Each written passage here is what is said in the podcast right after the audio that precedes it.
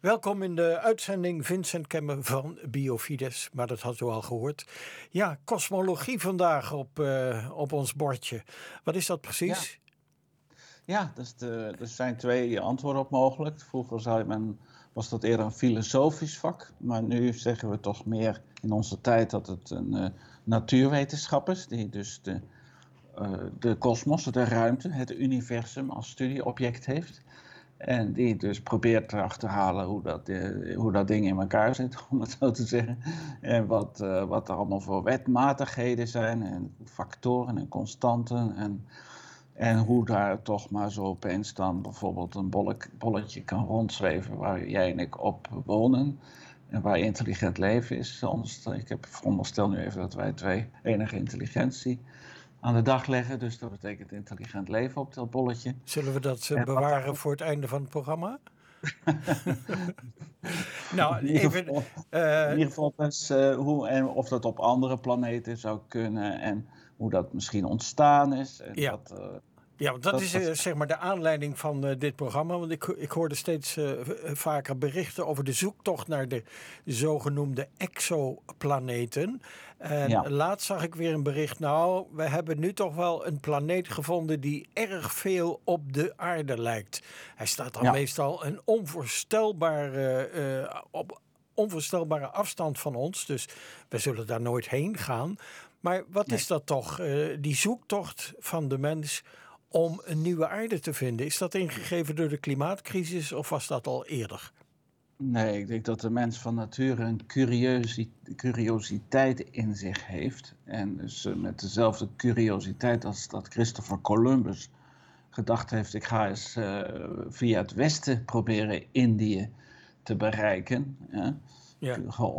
De Portugezen die langs de kust van Afrika naar het zuiden zijn afgezakt en zo langzamerhand Afrika de kaart van Afrika hebben kunnen tekenen. Maar ook en passant de slavenhandel ingevoerd hebben. Maar dat is een discussie op zich. Dus dat uh, is die curiositeit zit in de mens. Men wil graag weten. En als men iets weet, dan wil men weer nog iets meer weten. En uh, dus die Christopher Columbus, die, die strandde ergens en die dacht in Indië te zijn, die noemde die mensen dus Indianen. En dan het gevolg dat wij nu de inheemse Amerikanen Indianen noemen. Mm -hmm. Maar dus curiositeit zit in de menselijke natuur, heeft ook iets te maken met hoe wij geschapen zijn. Uh, bevolkt de aarde, onderwerp haar enzovoort. Dus wij willen graag die, na, uh, geef die namen aan die dieren, die planten, zegt God. En dus er zit in de menselijke natuur een terechte curiositeit die me in staat stelt uh, vooruitgang te boeken in zijn kennis, door ontdekking, door experimenten, door reizen, door uh, en grensverleggend onderzoek zou je kunnen zeggen. Nou ja, als je één keer dan toch al eens in de ruimte bent geweest om bijvoorbeeld naar de maan op en neer te vliegen, ja, dan uh, komt natuurlijk vroeg of laat de gedachte op om ook een keer naar Mars te gaan. Maar ondertussen worden daar allerlei telescopen gebouwd en die ontdekken dan dat er heel veel meer zonnestelsels en planeten zijn dan wij dachten. Nu hebben ze weer een nieuwe, de Web heet het ding geloof ik, een telescoop. En die, ze, nu ontdekken we nog weer meer uh, zonnestelsels met uh, sterren daarin, zoals onze zon. Ja. Met daaromheen bolletjes die daaromheen lijken te draaien. En die soms relatief veel op uh, de zon op eigen planeet lijken. Mm -hmm. wat, is, wat is veel? Dat is nog maar de vraag. Want we zijn er niet geweest, want ze doen via lichttechnieken en zo uitspraken over de, of er een atmosfeer is of niet, of er, uh, wat, wat die, dat, dat, die planeet. Dus het is allemaal heel speculatief, maar die curiositeit die zit er gewoon in en dat zullen we altijd houden, denk ik. Hè? Ja, uh, nu de creationisten, zo heten die mensen toch, die in uh, de schepping geloven. Nou, ik geloof ook in de schepping, maar ik noem mijzelf geen creationist in die zin, omdat dat uh, betrekking wordt meestal in verband gebracht met mensen die de Bijbel op een specifieke manier lezen. Vooral kom je dat tegen in protestants-christelijke kringen, maar ook onder katholieken. Die, letterlijk lezen wat er staat. Nu zijn we, opeens zijn we van de kosmologie gedoken in de Bijbelwetenschap. Ja. een hele, hele sprong. En die, maar die Bijbel zegt ook dingen over het universum. Hè? Dus de, de In het begin schiep God de hemel en de aarde. De aarde was woest en leeg. Duisternis lag over de diepte en de geest van God zweefde over de wateren. Ja, dan heb je het over één hemel en één aarde. En uh, wat, ja. Uh, ja, wat nou, zeggen die mensen dan? Dan moet je nou, afblijven? Nou, nee, dan moet je niet afblijven. Ga onderwerp de aarde, zegt dezelfde uh, tekst, ietsje verderop. Dus de, nee, in tegendeel, die is ons toevertrouwd. Hè. Wij zijn mensen die, we zijn naar Gods beeld en gelijkenis geschapen. We zijn dus meewerkzaam in het plan van God op aarde. En, daar, in, en eventueel zelfs in de hemel, maar de hemel hier. Ja, maar ik bedoelde eigenlijk, uh, waar je af moest blijven, is het idee dat er misschien een tweede aarde zou zijn. Of misschien zijn er wel ontelbare uh, planeten die op onze aarde lijken. Nou, de schrijvers van, uh, van Genesis 1 hadden natuurlijk nog geen idee van ruimtevaart of exoplaneten of zonnestelsels of telescopen of weet ik mhm. wat meer. Dus die zagen gewoon de aarde, de zon, de maan en de sterren.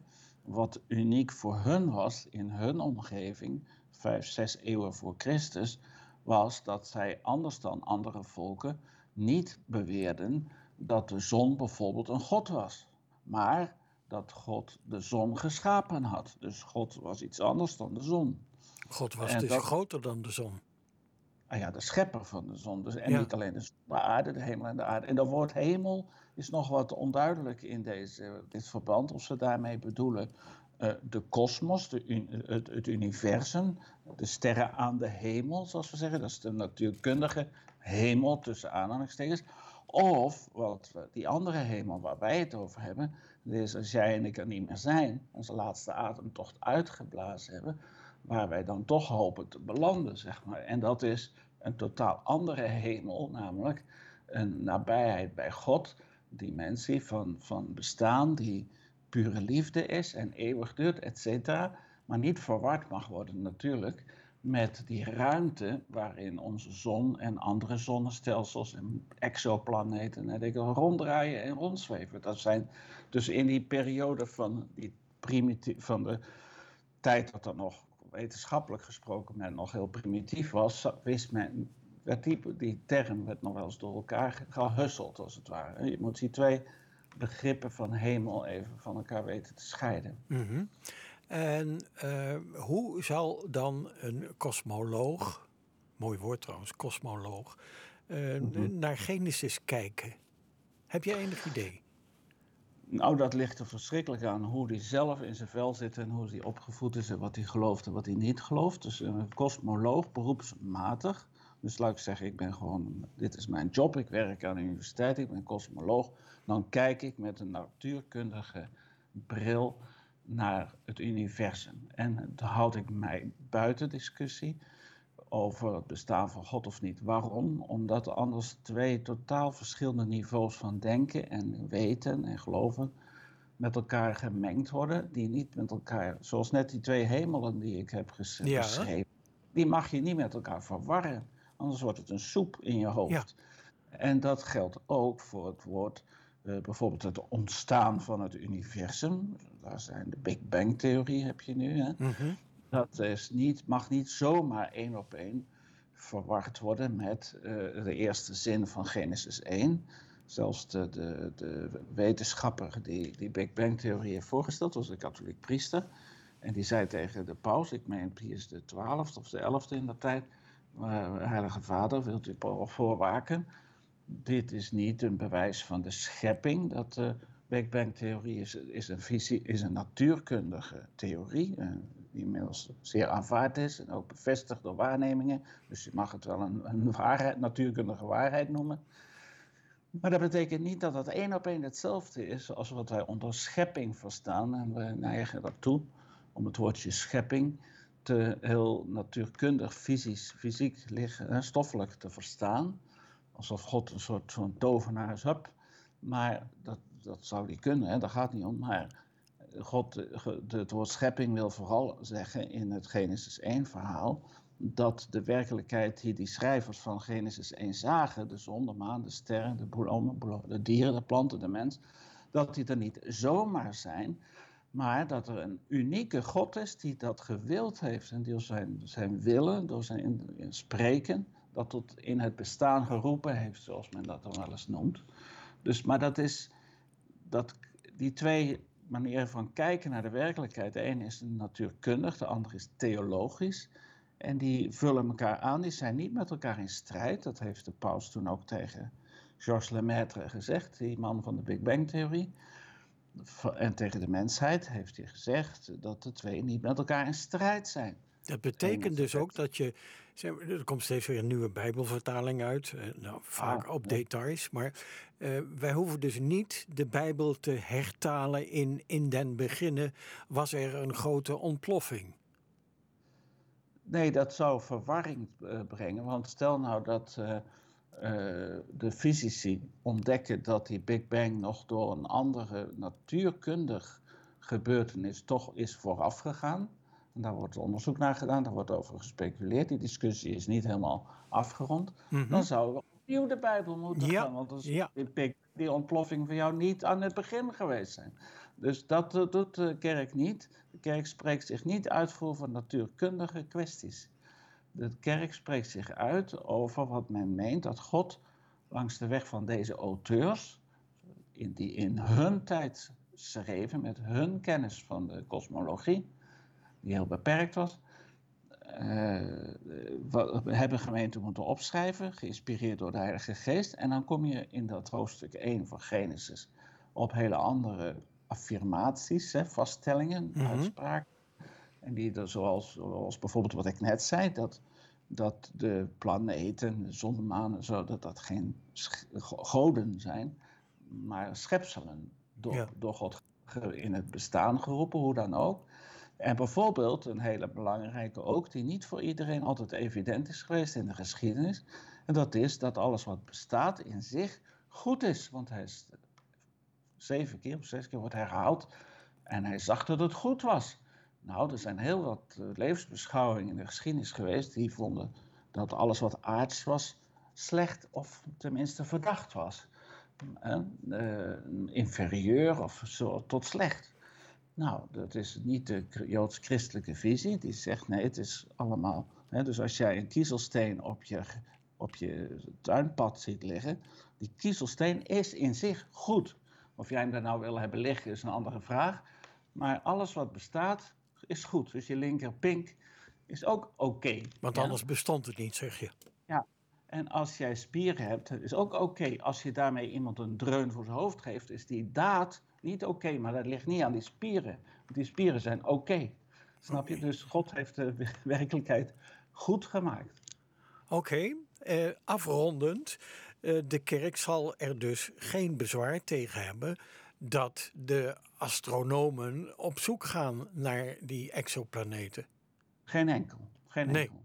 De kerk heeft nooit een bezwaar gemaakt tegen verruiming van kennis en inzicht langs uh, normale redelijke en, en via de zintuigen en metingen en zo uh, wegen. Langs die wegen, dat is dat, eerder zou je kunnen zeggen dat de kerk het aanmoedigt. De kerk heeft het altijd aangemoedigd. In de middeleeuwen, al voor de middeleeuwen, waren geestelijke notabene uitermate actief daarin.